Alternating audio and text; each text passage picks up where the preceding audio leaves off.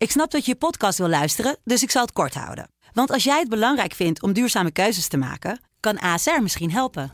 Nou hoor ik je denken, hoe dan? Nou, bijvoorbeeld bij het duurzaam herstellen van schade. Of de premies die we beleggen volgens ons duurzaam beleggingsbeleid. Dat bepaalt waar we wel en juist niet in investeren. Wil je meer weten over welke duurzame keuzes ASR maakt? Ga dan naar asr.nl/slash duurzame keuzes. ASR doet het. Zo, dan kan je nu lekker naar je podcast luisteren.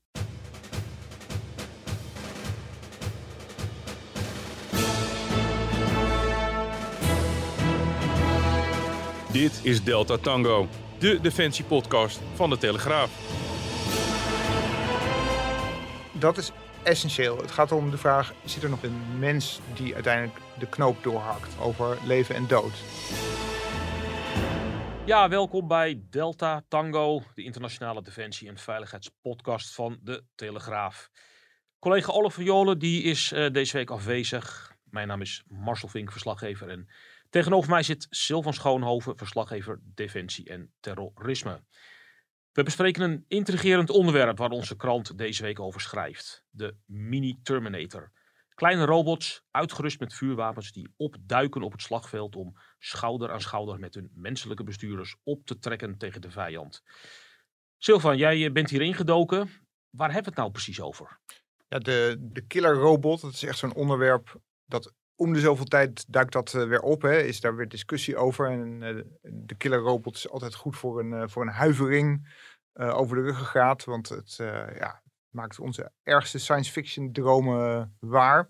Aanleiding deze keer was een, was een filmpje dat op, op sociale media rondging. Daarop kon je zien dat een, een soort robothondje was uitgerust met een machinegeweer op zijn rug. En die liep rond op een schietbaan en die schoot daar willekeurig op allerlei doelwitten. Nou, het zag er heel uh, futuristisch en ook een beetje griezelig uit.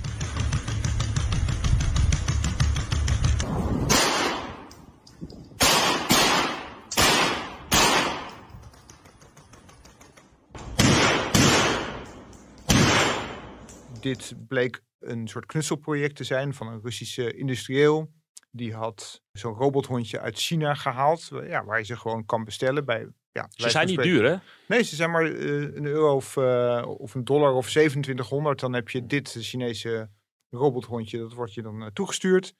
En het is iets lastiger om een vuurwapen te komen, maar in Rusland wat makkelijker. En dat had deze magnaat dan ook gedaan. Die had hem erop geschroefd en daar ook nog een GoPro-cameraatje opgezet. En zo kon je ook meekijken door het vizier van het wapen. En nou, hij had zijn projectje meegenomen naar de schietbaan en liet hem daar vuren. En ja, je zag uh, sowieso dat het nog wat werk behoefde. Want die hond die, die, die viel eigenlijk bijna achterover na elk salvo. Want de loop die ging onmiddellijk uh, naar boven op het moment dat er werd geschoten. Dus het was nog niet heel erg geschikt voor precisievuur.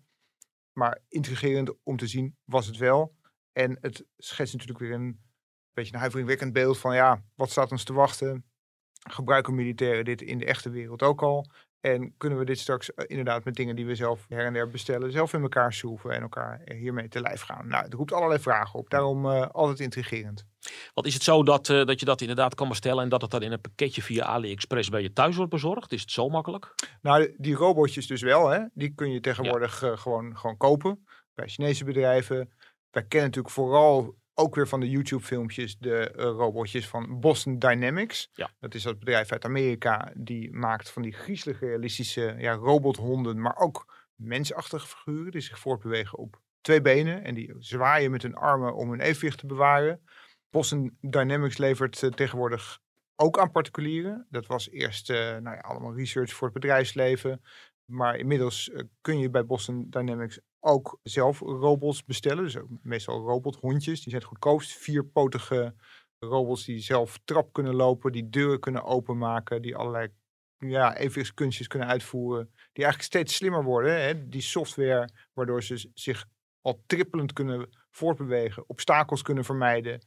En ja, kleine probleempjes die ze daarbij tegenkomen uh, kunnen oplossen met uh, ja, alle sensoren die aan boord zijn. Met de dag rukt die technologie verder op. Jij kwam ook nog met een, met een aardig voorbeeld van een filmpje waarbij een echt mens dus met een stok de Ja. robot omver duwt. Ja, het was eigenlijk dat was een grappig fragment. Eh, de, de, de, robot moest een doos oppakken.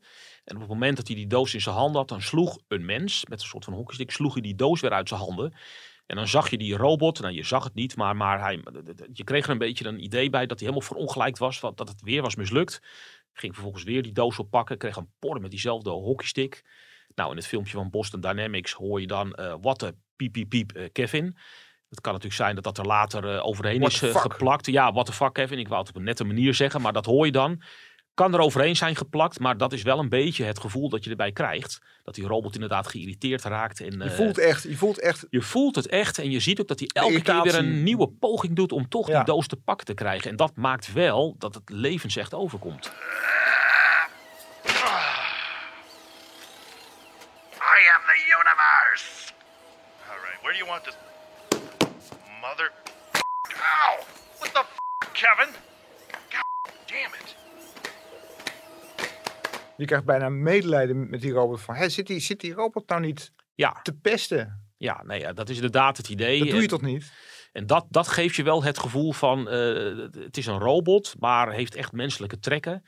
En dan kun je natuurlijk afvragen van, ja, hoe, hoe ver kun je dat doorvoeren en, en, en hoe ver eh, moeten die toepassingen gaan? Ja, als je, als je die robothondjes ook ziet lopen, dan heb je echt het idee van daar loopt een echte hond die precies zo beweegt. Die Ja. ook even een paar stapjes terug doet als hij het even niet weet. En een beetje zo tastend loopt met zijn vier poten. Het is echt of je een levend wezen ziet voortbewegen. Ja. En op het moment dat je zo'n robothond zou neerknuppelen of zou neerschieten, zou iedereen eigenlijk ook een gevoel krijgen van... Dan "Hè, komen de petities, denk wat ik. doe je? Wat, wat doe je? Dit is, dit is dierenmishandeling. Ja. Dit is robotmishandeling. Dit is Komt ook, een, komt ook een beetje omdat eh, het, het is er volgens mij niet, maar, maar je, je, je, je ziet er eigenlijk denkbeeldig een, een, een kwispelende staart bij. Hè? Dus, Ja, dus dat ja. het, en, en ik kan me wel voorstellen dat dat op het gevoel van mensen inspeelt. En dat als inderdaad iets met zo'n robothond gebeurt, dat mensen echt in, eh, in, in de hoogste boom eh, klimmen.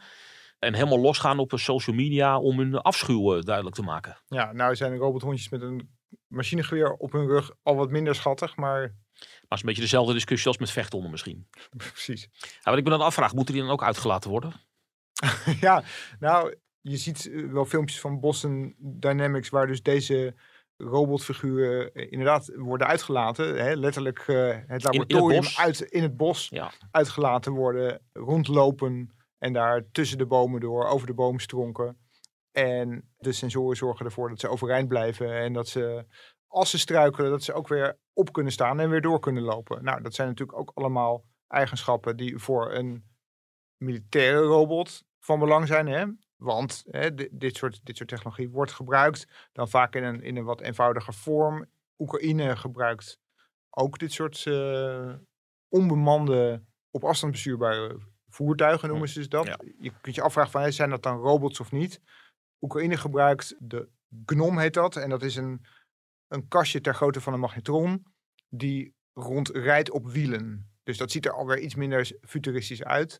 Het is ook strikt genomen, is het geen robot, hè? want het is gewoon een op afstand bestuurbare unit, Ja. uitgerust met een camera en met een vuurwapen, die ook echt letterlijk een eh, ja, lange kabel achter zich aansleept, waardoor alle optische informatie wordt, wordt doorgegeven en waar ook het bevel vuren door kan worden doorgegeven. Je zou zeggen dat is lastig hè, met zo'n eh, met zo'n kabel, maar dat, eh, dat lijkt toch best wel mee te vallen.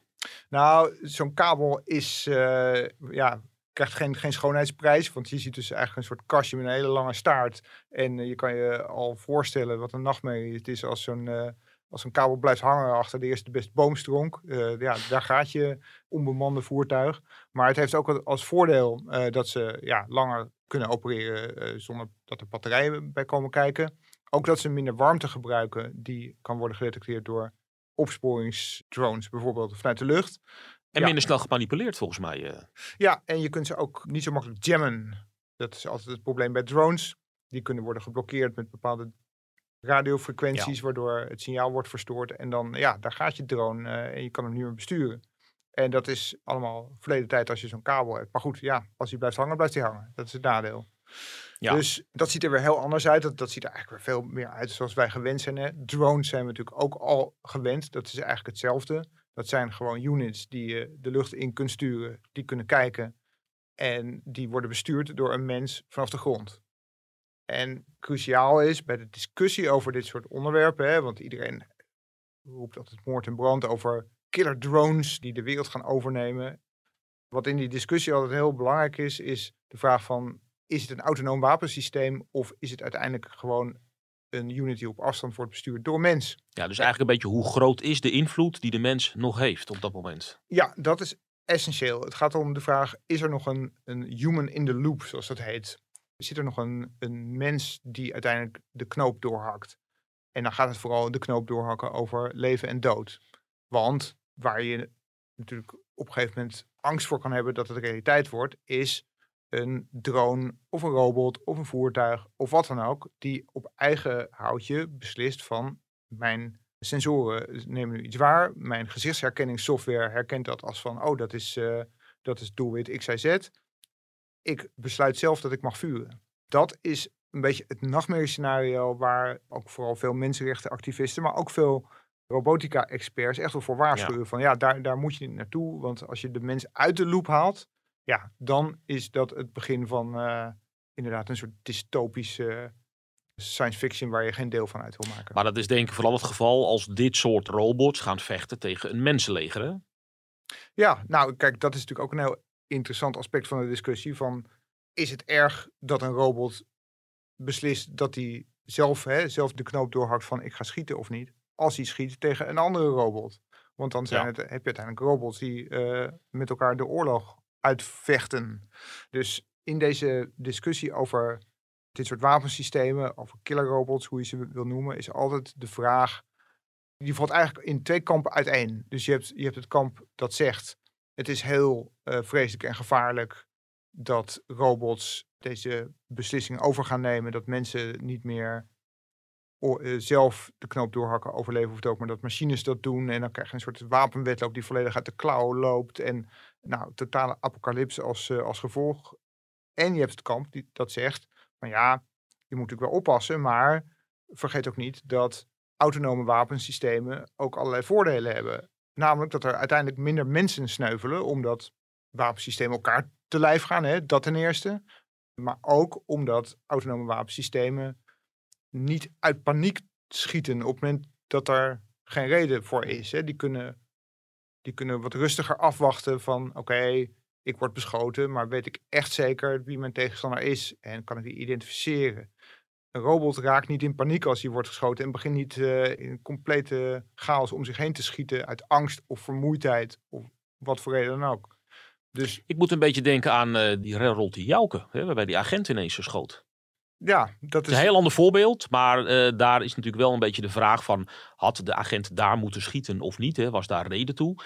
Dat zou je in een andere situatie uiteraard, zou je uh, dat minder snel hebben, denk ik, als ik dit vooral een beetje volg, met zo'n robot. Ja, en je kunt deze discussie doortrekken naar de vraag over de autonome rijdende auto. Hè? Daar heb je eigenlijk dezelfde ja. Discussie van, moet er uiteindelijk altijd een mens aan het stuur zitten die stuurt, die de beslissingen neemt, of kan een, kan een robot of een computer dat uiteindelijk beter? Omdat die geen fouten maakt. Hè? Computers maken natuurlijk, mits ze juist geprogrammeerd zijn, geen fouten. En laten zich niet hinderen door emoties. En zo'nzelfde discussie kun je natuurlijk ook hebben over politieoptreden. En het vuren op, ja, op railschoppers of iets dergelijks. Het, het, is natuurlijk denkbaar, ik zeg niet dat dat in dit geval zo is, maar het is denkbaar dat je als politieman na een hele lange nacht vol, uh, ja. waar je wordt, wordt zeker in deze tijd hè, bent uh, geïntimideerd en waarbij je het eieren naar je hoofd krijgt en de ene belediging naar de andere en dan in het donker, je kan niet goed zien en ineens meen je te worden aangevallen, je trekt je dienstwapen en je lost een schot ja, had een robotagent, hè, als die in de, in de toekomst opduikt, had hij nou hetzelfde gedaan? Of had hij gedacht van, ah, wacht even, eerst even kijken, is hier echt wel reden om te schieten, ja of nee? Vooral ook omdat de discussie was dat zijn collega's in gevaar zouden worden gebracht. Maar als de collega's dan op dat moment ook uit robots bestaan, dan uh, heb je deze hele discussie natuurlijk niet. nee, dat, is, dat klopt. Dus ja, de discussie over dit onderwerp focust zich telkens op van, van ja, gaat dit nou enorm veel mensenlevens kosten? Of gaat het leven sparen uiteindelijk? dat is een hele interessante discussie. Je... Ja, en leven sparen. Ik, bedoel, ik noem net politie, maar uh, dat denk ik ook even aan de brandweer. Die maakt natuurlijk ook al in een andere toepassing gebruik van robots. Volgens mij als het gaat om uh, brandende gebouwen bijvoorbeeld. Ja, die maakt bijvoorbeeld gebruik ook van die Boston Dynamics apparatuur. Die hebben ook zo'n zo'n robothondje gekocht hè, van, van het type dat we ook zien in die filmpjes met die wapens op de rug. En die zetten ze inderdaad in om een gebouw binnen te gaan dat op instorten staat of waar, waar, waar het gevaar van koolstofmonoxidevergiftiging dreigt. En die eh, laten dus zien van dat je dit soort robots eigenlijk als een soort mensen kunt inzetten, maar dan op plekken waar het, eh, waar, waar het gewoon gevaarlijk is. Die brandweer in New York overigens die dit, die dit doet, zij is niet de eerste. Daarvoor was het ook de politie van New York die eh, dit soort robothondjes inzette. Maar daar zijn ze weer uit de vaart genomen als het ware, omdat er zorgen waren over de privacy. Omdat het idee was van ja, ja die hondjes die gebruiken sensoren, die zien allerlei gezichten, die slaan dat misschien wel op. Wat gebeurt daarmee? Daar waren grote zorgen over. Dus bij de politie zijn ze ook weer uit gebruik genomen. De brandweer gebruikt ze wel. En de brandweercommandant die zei op een gegeven moment tegen de New York Times ook dat hij was helemaal niet blij met al die filmpjes en video's van dit soort robothondjes met wapens op hun rug. Uh, en uh, want hij zei van ja, dat, dat levert maar een hele slechte beeldvorming op ten opzichte van die, van die robots. Terwijl die kunnen ons gaan redden. Hè? Die kunnen mensenlevens. Uh, ja, het ging echt om beeldvorming. Hè? Dat, dat inderdaad het idee ontstond ja, dat dit, het vooral daarvoor werd ontwikkeld. Dit deed de robot geen goed. Geen goed, zo nee. was de boodschap. Maar goed, je kunt natuurlijk niet de ogen sluiten voor de onverbiddelijk oprukkende technologie die er vroeg of laat voor gaat zorgen dat we dit soort robothonden of robotandroïdes, die op twee voeten lopen, echt gaan terugzien op het, op, op het slagveld. We hebben nu al op een bepaalde manier hebben daarmee te maken. Het is grotendeels nog science fiction, maar er is in 2020 is er een aanval geweest in Libië waarbij wordt gezegd, het is niet bevestigd, maar waar wordt gezegd dat drones daar iemand hebben uitgeschakeld puur op basis van gezichtsherkenning. Dus dat was een Turkse drone, die is op een generaal afgestuurd met gezichtsherkenning. Hebben hem gezien, hebben hem gedood. Dat ging om een, om een zwerm drones ook. Ja, moeilijk uit te schakelen, want het zijn er gewoon een heleboel. En daar zou geen human in the loop zijn geweest. Geen mens die de knoop heeft doorgehakt, maar puur de drone zelf die op dat moment heeft gezegd van deze man klopt met de beschrijving, die gaan we nu doodmaken. En dat is ook gebeurd. Veel makkelijker dan het kaartspel hè, dat we ooit nog eens keer hadden in eh, de oorlog in Irak. Uh, dat de Amerikaanse militairen rondliepen met een kaartspel waarop alle gezichten ja, van zeker. het Irakese leger uh, waren afgebeeld. Ja, ja nou ja, uh, ook, ook het Nederlandse leger had, had zo'n soort uh, smoelenboek ja, in, in de oorlog in Afghanistan. Waar van allemaal hoge Taliban-commandanten die moesten worden uitgeschakeld of gearresteerd. Hè, dat was dan altijd een discussie. Als je dat aan een, aan een zwerm drones kunt overlaten, die ongeveer locaties hebben, die aan gezichtsherkenning kunnen doen en die op zo iemand worden afgestuurd om die uit te schakelen. Hm, dat roept allerlei vragen op natuurlijk. Maar de foutmars is niet heel, denk ik dan. Nou, dat is natuurlijk de vraag of computers echt onfeilbaar zijn. Hè? In theorie zijn ze onfeilbaar, maar gezichtsherkenning is natuurlijk ook niet perfect. Wat te doen met dubbelgangers. Dus ook, ook dat roept weer de vraag op van, ja, maar als het nou misgaat, wie is er dan verantwoordelijk? Ja, wie breng je voor de rechter? Wie breng je voor de rechter? Je kan niet een, niet een robot berechten. Zelfde discussie ook weer met de, als met de zelfrijdende auto. Wat als er een ongeluk gebeurt met een zelfrijdende auto? Is dat dan de verantwoordelijkheid van de bestuurder? Of moet de fabrikant van die auto worden beetje, aangeklaagd? Beetje dezelfde discussie waarschijnlijk. Ja, precies. Ja. Jij uh, als oud-China-correspondent overigens, uh, jij bent wel eens op de grens met Noord-Korea geweest, uh, begreep ik. En bent daar uh, ja. ook nog eh, opgepakt, omdat je je daar uh, op verboden terrein uh, begaf. De autonome robot is ook al eens in beeld geweest op de grens van Noord- en Zuid-Korea. Zuid-Korea had een apparaat, dat was geen robot zoals we die voorstellen, met, met benen of zelfs maar wielen. Die staat gewoon stil in het grensgebied, in de gedemilitariseerde zone zoals het heet. Ja. En die was in staat om zelf ook het vuur te openen op mensen die de grens overkwamen. Heel controversieel. Het was niet helemaal duidelijk of daar een human in de loop was.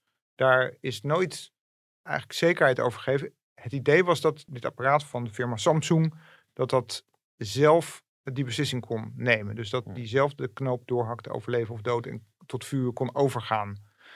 Maar anderen zeggen van ja, er is wel sprake van een menselijke operator die nog ergens achter een scherm meekijkt en die de, ja. die, die de knoop doorhakt. Bijna ja. garantie op escalatie, zou je kunnen zeggen. Ja, ja, als in een grensgebied een incident is en iemand wordt neergeschoten door, ja. een, door een robot. Maar goed, dat risico bestaat natuurlijk ook met menselijke ja, grens, uh, grensbewakers. Ja. Een beetje bedoel is dat, uh, dat de, de Chinese uh, apparaten, de Chinese robots, die natuurlijk niet heel duur zijn, dat die dan ook heel snel in Noord-Korea terechtkomen. Hè, wat toch een klein beetje nog wel als het kleine broertje van China wordt gezien.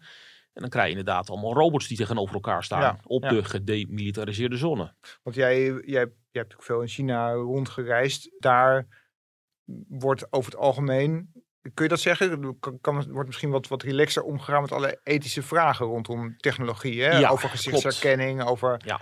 privacy, over zeg maar, de implicaties van techniek. Werkt dat Nee, inderdaad zo? dat, Is dat, dat in- dat, dat speelt. Kijk, het is in ieder geval in China zo dat eh, de robots eh, de, die de mens te dienst staan, zeg maar, die heb je echt al ontzettend lang. Hè? Ik, bedoel, ik was pas hier in Nederland in een restaurant. Dat was overigens een Chinees restaurant, maar dat terzijde. Maar dan werd je aan je tafel bediend door een robot. Hè? Bedoel, er kwam gewoon een soort R2D2 kwam, eh, naar je tafel eh, rijden. En dan kon je gewoon je gerechten pakken. Nou, dat heb je in China al veel eh, langer. Hè? Al, al jaren gebeurt dat. Hè? Je hebt ook eh, restaurants met achtbanen waar eh, allerlei eh, nou ja, robotjes eh, te pas komen. Die dan eh, het echt op je tafel neerzetten, et cetera.